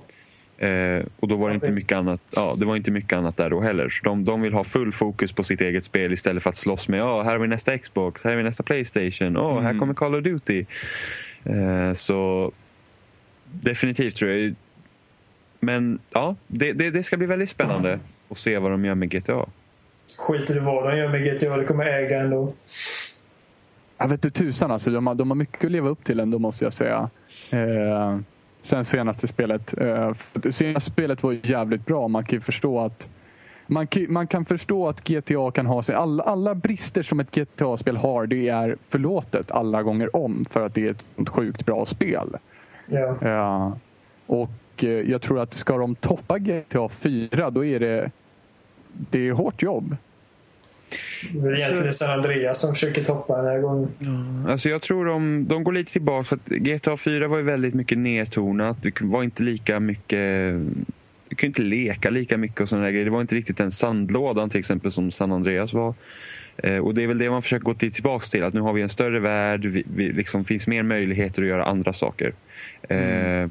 För mig så hoppas jag att de lyckas göra bättre uppdrag. För att, alltså, första gången jag körde igenom GTA 4 var inget jag tänkte på eftersom story och allting det var nytt och man ville bara komma vidare. Men andra gången så var det liksom, fan, man gör ganska mycket samma saker hela tiden. Mm. Även i Red Dead Redemption har ju lite samma typ av uppdragsstruktur som GTA 4. Och det är ja, det precis. jag önskar att de ska komma ifrån. att det det, det liksom ska vara mer de här större grejerna, liksom mer variation istället för att åka från A till B. Det är någonting jag känner att de har koll på den här gången. Alltså döma uh, trailers och förhand snacka. Så de, de sa ju det i en intervju att eh, om man kollar på alla folks, eller allas favorituppdrag så är det ofta de här bankrånsuppdragen eh, som dyker upp eh, i samtalen. Och spelet bygger ju på bankrån, alltså GTA 5. Ja. Eh, Sen då liksom bilar som faller ut från eh, flygplan och all möjlig skit. Alltså det, jag, tror att, jag tror att det är någonting de, de har tänkt över. Uh, ja, och sen just det att man är tre olika personer så kan man få en... Det, det, det som var så intressant med GTA 4 var ju eh, när man köpte DLC-episoden och man fick se hur de tre protagonisterna liksom uppdrag vävdes tillsammans till det här museum eh, rånet. Liksom. Mm. Eh, och nu har vi liksom de tre karaktärerna genast. Liksom, och, och man kan hoppa mellan dem och göra olika uppdrag. Liksom, får man, ju, man får liksom historien ur tre olika synsätt på en gång. Mm. Eh, och det, det, är jävligt intressant att, att de de är inte rädda för att försöka någonting nytt med en sån väl etablerad serie. Och det tror jag också med att det kommer så få delar ändå. Det, det liksom har gått många år nu sedan GTA 4. Liksom. Det, det, så att de, de liksom vågar. Det är inte för etablerat för att de ska våga ta risker. På det sättet. Liksom att vi kan aldrig liksom, ja, men vi förväntar oss det här från ett GTA. Liksom. Det finns ju de saker vi förväntar oss men de kan fortfarande testa nya saker utan problem. Ja. Vilket är intressant. Och jag hoppas verkligen att de klarar att göra det. Jag bara tycker att eh, Los Santos, eh, som de har byggt upp det i GTA 5, ser väldigt bra ut. Bara sett till... Alltså bara att åka runt och leka, som du sa. Ja. Eh, dels med, med alltså mycket miljövariation och grejer. Det finns ju liksom vildmark och, och grejer. Det ska tydligen vara helt enormt med djur och grejer också. Och typ scuba diving och all möjlig skit. Det kommer bli Ja. jättekul. Ja, och något som jag verkligen ser fram emot så är det multiplayer-biten. Att Ja. med, med, jag hoppas det liksom finns free roaming om man verkligen kan liksom, alltså det, för så kul hade vi liksom i GTA 4. Mm, Eh, dock, dock blev det verkligen så här, lite för lite saker man kunde göra tillsammans. Eh, Till slut ja, liksom när man går in i GTA 4 så bara, ja, men fan det här är redan gjort. Liksom. Vi kan köra det här hur många gånger som helst men fan, det är liksom... Vi- vi åker- Men det är ändå någonting som är helt intoxicating med det. Alltså, för att det är flera gånger som Robin säger "Åh, vi spelar GTA 4. Och jag bara, ja, ja, jag är inte så jävla sugen egentligen. Så sitter man där och bara, men det här har vi gjort, det där har vi gjort. Och så kommer jag på mig själv att fem timmar senare, vi sitter ändå kvar liksom. Ja, men då kan jag tänka mig att om de gör GTA 5 med mer möjligheter så kommer alltså det kommer bli oslagbart Ja. kul. Så Okej, det, är något att, det är något att se fram emot. Okej, Oliver, shoot! Oliver, eh, The Last of Us. Last of Us, ja. ja. Jag har inte ens tänkt på vad jag ska säga, jag bara sa något. ja Eh, bra.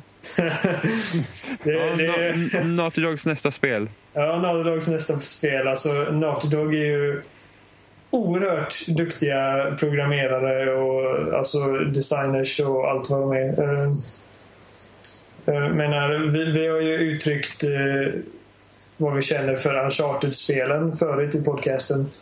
Uh, Alltså, Uncharted-spelen är spel som är så långt framför sina konkurrenter på, på flera plan.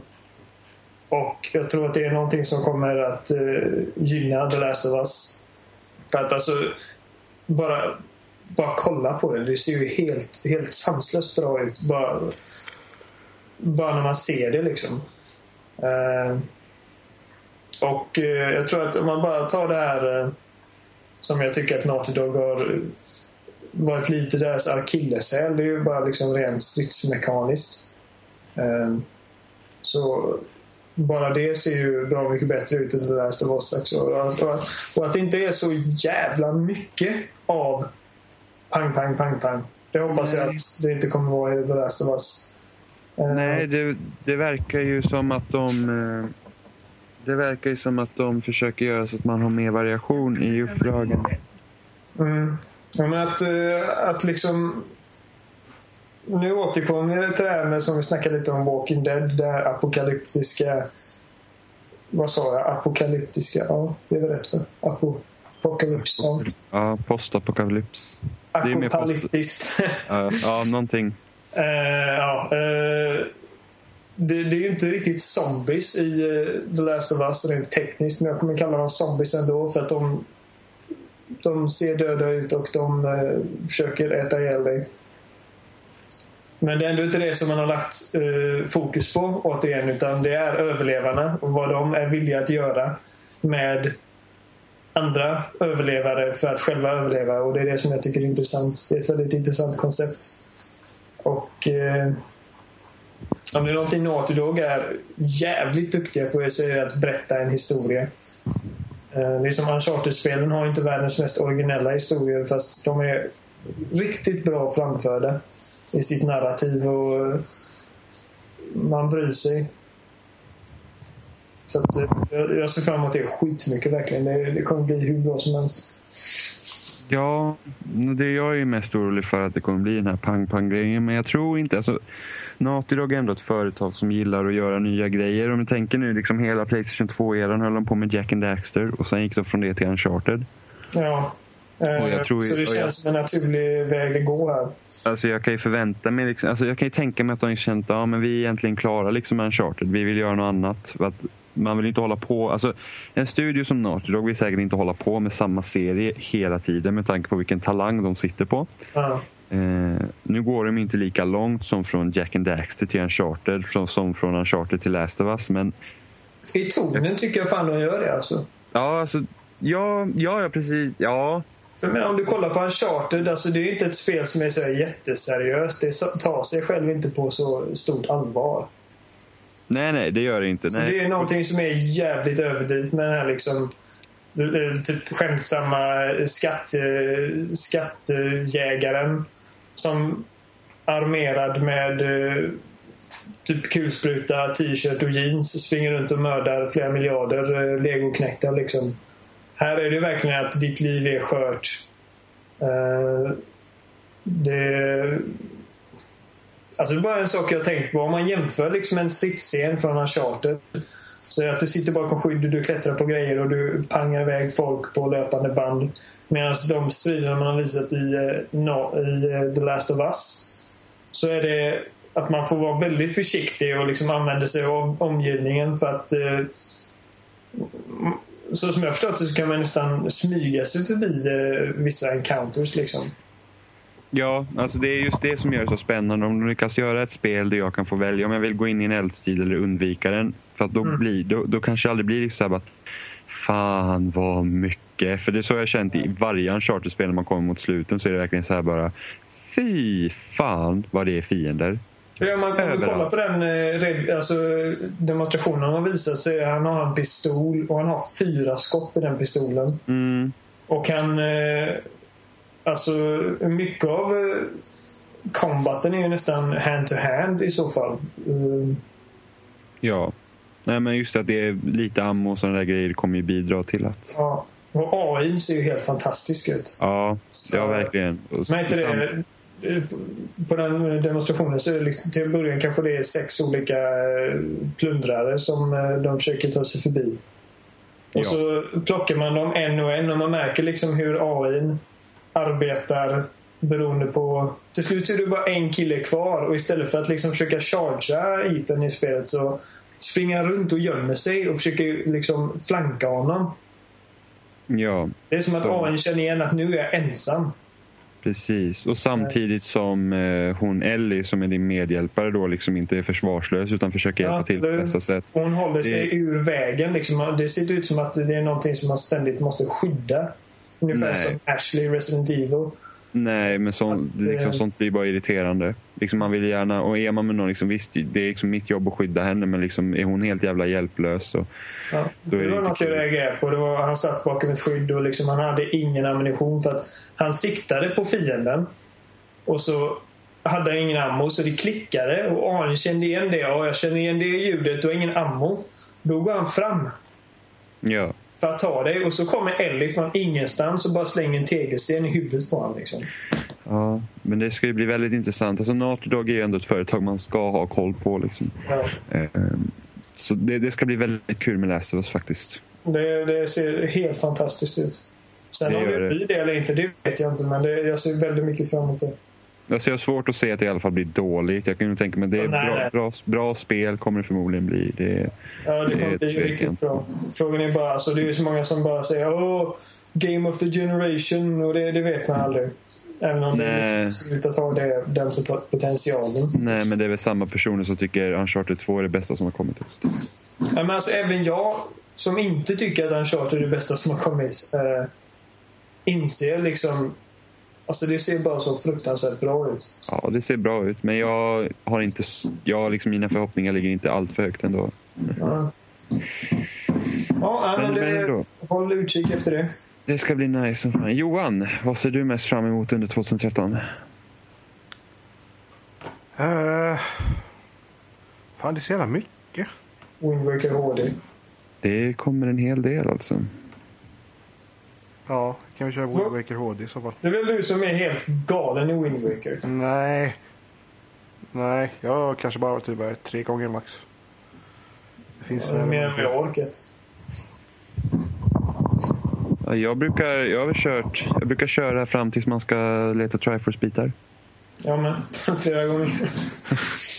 Sen slutar jag. Men det intressanta med Wind Waker HD är att det är anledningen till att de la in Triforce-jakten är för att de hade två tempel som inte blev klara. Så förhoppningsvis så lägger de in de två templen istället. Ja, Det jag var tänker ju att, sjukt otroligt. jag tänker jag inte förvänta mig, men det hade varit roligt. Nu, vänta.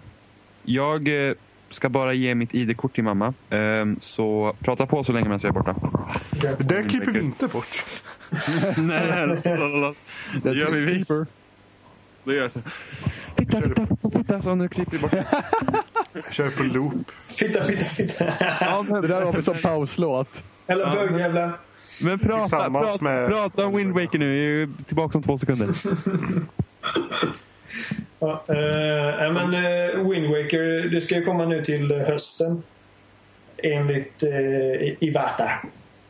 Ehm, och eh, det, det, ser väl, det ser, här, ser bra ut. Vi, vet, vi har spelat det förut. Vi vet att det är bra. Det är bara kul att se att det ska bli kul att återbesöka det. Det enda som ser konstigt ut är karaktärerna för de är liksom typ Mi-aktiga. Det tycker jag verkligen inte. Ja men de har gjort dem för runda. Det, det är ju inte liksom kantigt eller någonting än, utan de har gjort dem... De, herregud, om det är någonting som är runt i det spelet så är det allting. Det är väldigt runt och alltså Links huvud i Wind Waker ser ut som en vattenmelon ungefär. Ja, Fast det ligger ju inte massa shader-effekter som gör att det ser liksom runt ut, jag på att säga. Alltså jag bara, det, det jag tycker rent skillnaden, alltså det är texturer ser bättre ut, det, ljussättningen ser bättre ut och det är ännu mer färgglatt. Jo, Annars tycker jag inte de har ändrat någonting så. jo karaktärerna. Okej. De, för de, de ser liksom runda ut. Men alltså, jag, jag har inte sett någon trailer eller någonting på det. Men, men alltså, är det stor skillnad på HD-kvaliteten? För att jag, jag har svårt att tänka mig att cell shading blir så mycket vassare i HD. Men Alltså, det är ju det- det att de har massa bloom-effekter och grejer också. Så att de har liksom Eh. lagt på lite mer. Alltså de har inte släppt några trailers eller någonting, de har visat några bilder. Ja, tre, fyra bilder någonting sånt där. Eh, och jag tycker det ser riktigt mysigt ut. Men eh, det var... Herregud, det kanske inte är det du skulle säga Johan. Vad ser du fram emot? Mm, men det var det jag tänkte på. Det var bara jag som fick, inte fick tummen ur. Det var det. Okej. Ja, Oliver. Ja, du har sagt ditt. Jag har sagt. Eh, Jimmy Det är min inte tur. Det. Jimmy, ja. Där, var han. Ehm, mitt spel som jag ser absolut mest fram emot. Jimmys spel. Jimmys spel. Dun, dun, dun, dun. Och nu avslutar vi avsnittet så får ni veta nästa vecka. Nej jag ska. Ja, precis. Precis. Spoiler. Eh, Simcity är mitt spel som jag ser mest fram emot just nu faktiskt. Ja, jag är lite, lite pepp på. Ja, jag spelar ju, pepp som helst på det. jag spelar ju betan. Vilket, vill, ja, jag vet. Och jag, spe, jag spelade enbart så att jag skulle kunna ha något att säga sen också när jag pratar. Jag spelar ju beta. Ja, vet du. Den invigda. Nej. Ehm, jo, jag spelar betan vil- vilket fick några orosmoment att komma upp faktiskt. Ehm, först, det positiva, det är väldigt enkelt att bygga. Det är inte alls lika, alltså Simcity 4 var skitsvårt. Alltså, jag kunde inte skapa mer än ett bondesamhälle med typ tre personer som bodde i det. Jag Alltså det, det, jag gick, Ja, jag med. Det, ingen ville bo i min stad. Det var helt omöjligt. Alltså, jag är väl bara dålig eller någonting. Jag har aldrig haft problem i Simcity förut. Men i, i fyran fick jag inte någon att flytta, så det, det var inte så himla kul. Men, men, men femman... eh, Femman å andra sidan är på tok för lätt. Finns det en femma? Alltså, det är Simcity. Det är det som kommer nu. Ja, jag tänkte väl det. Simcity just det. 5. Det, det Ja, heter här Här går jag på knark. Men jag säger fem. Ehm, ändå på tok för lätt. För, att, för det första, nu är, nu är det en hel... I, i, I de andra Simcity så har du, vi- vi kan säga typ att du har haft en hel region att bygga på. Nu, finns det, nu, nu delar du regionen med andra spelare. Eh, du kan såklart bygga fler städer på olika ställen i den regionen men du kan inte du har liksom inte all den platsen på en gång utan det är en ganska liten del du kan bygga på när du väljer din stad. Och det är väl största minuset, att ytan är alldeles för lite. Alltså, jag lyckades, jag lyckades bygga nästan på varenda jävla centimeter på en timme.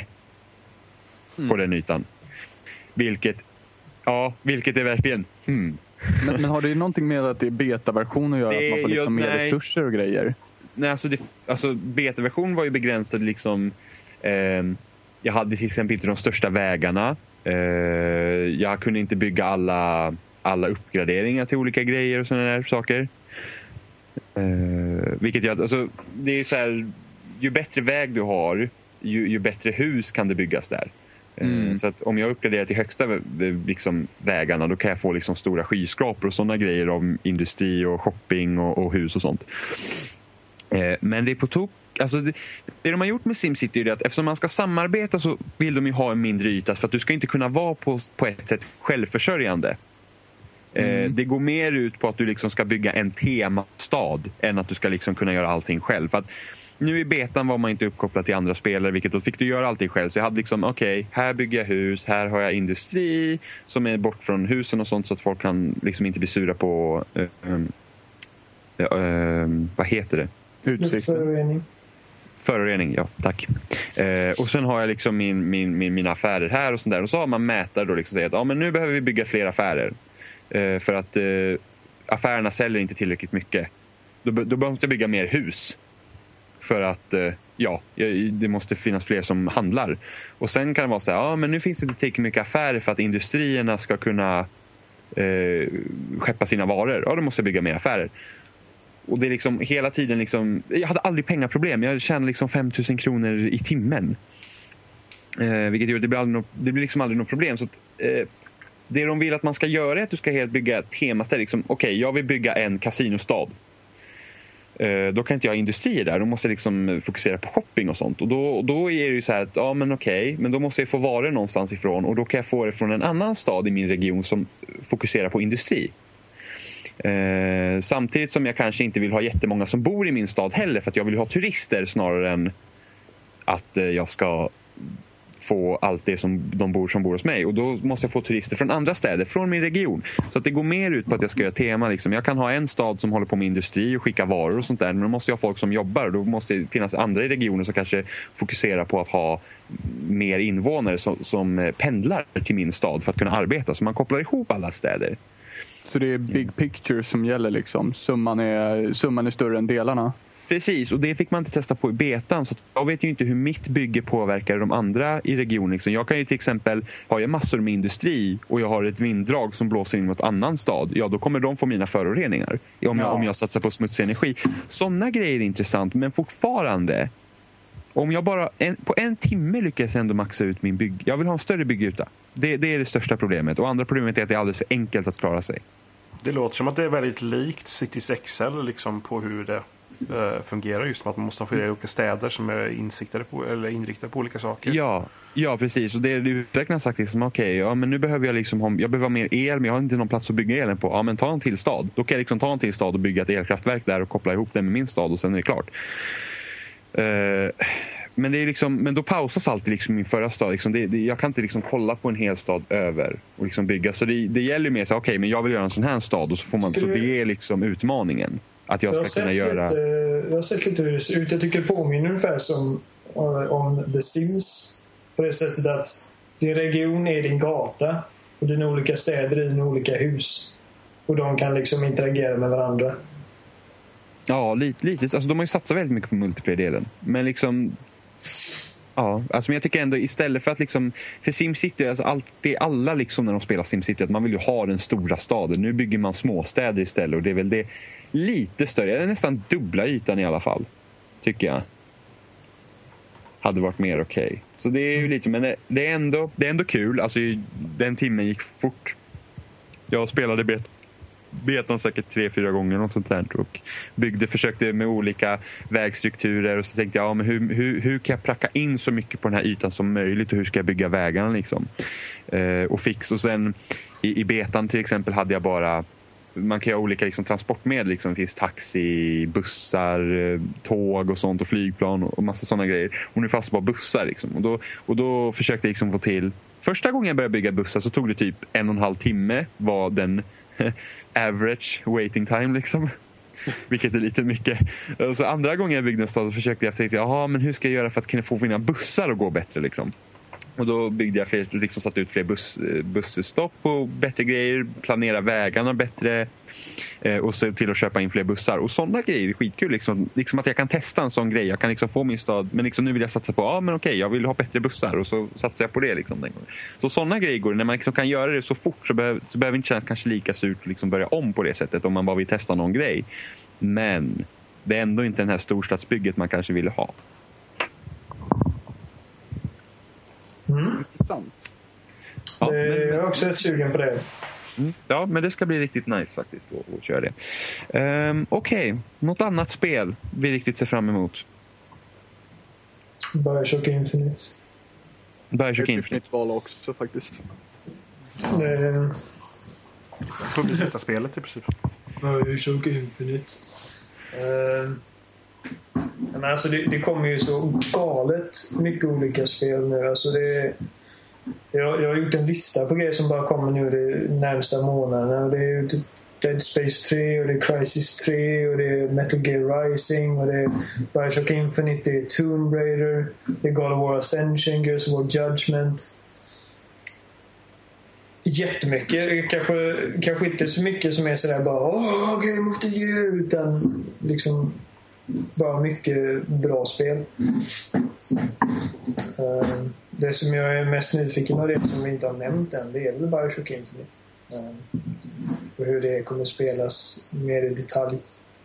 Ja, nu är det dessutom Bioshock 1-teamet som sitter på att göra det här. Ja.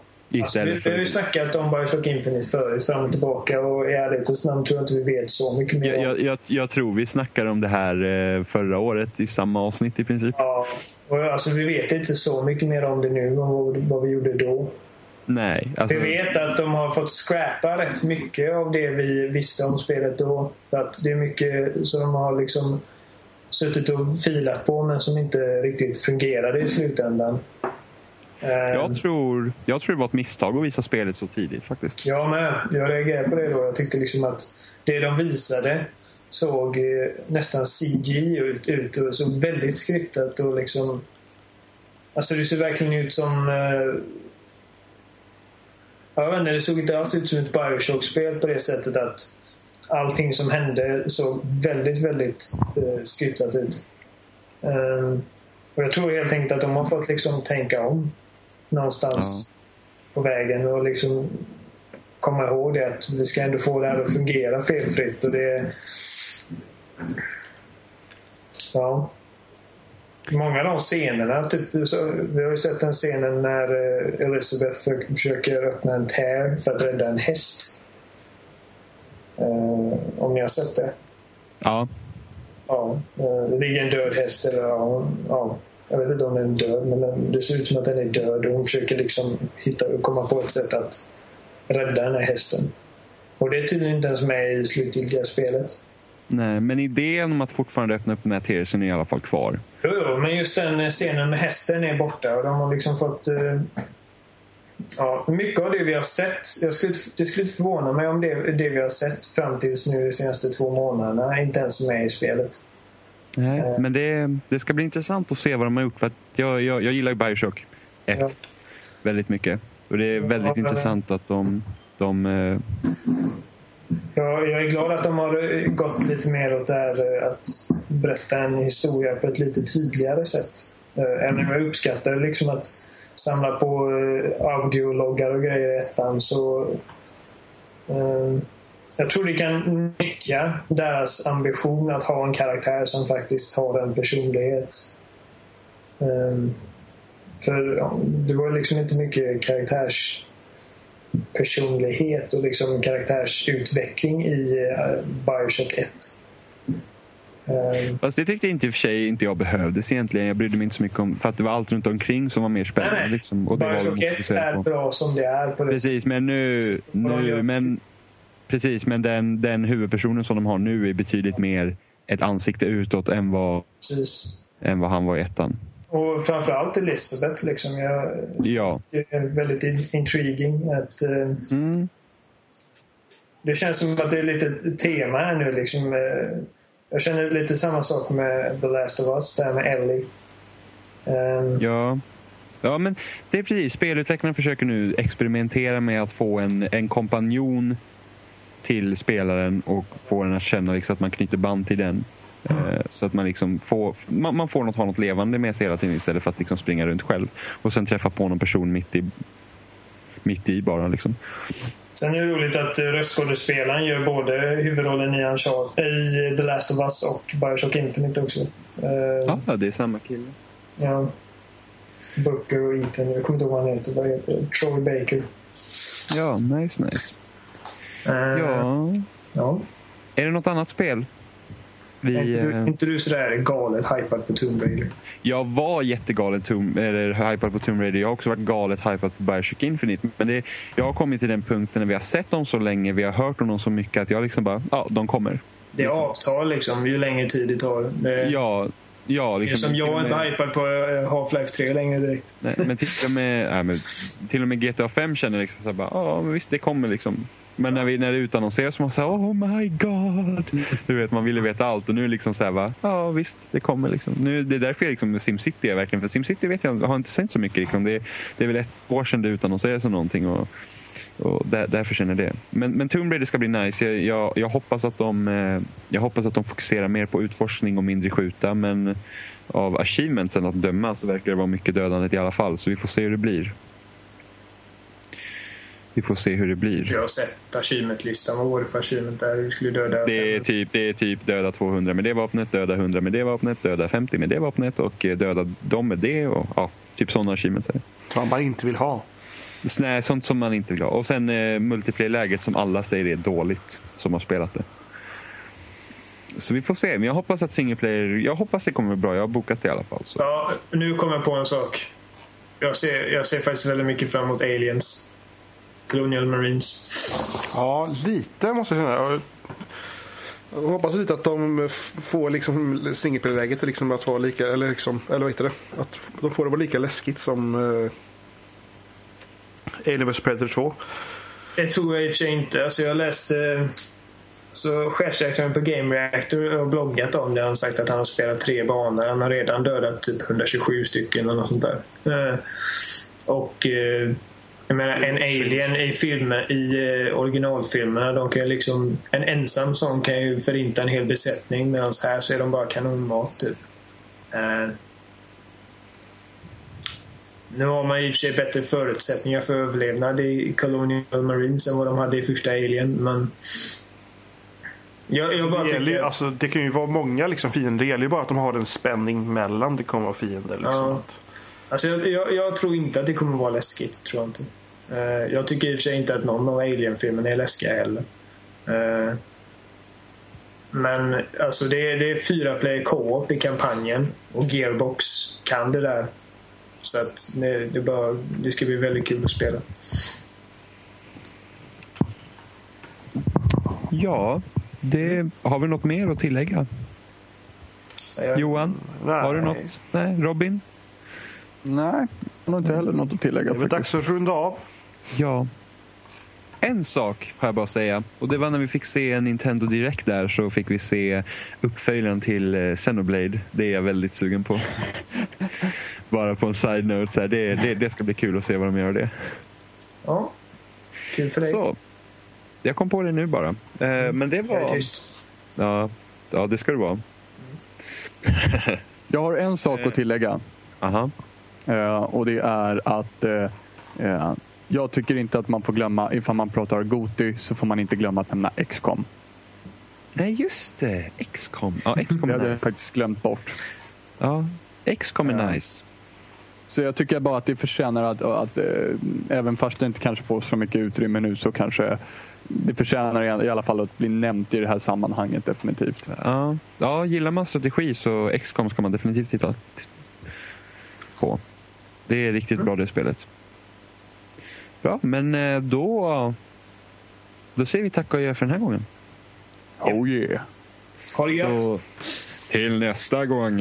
I'll be back.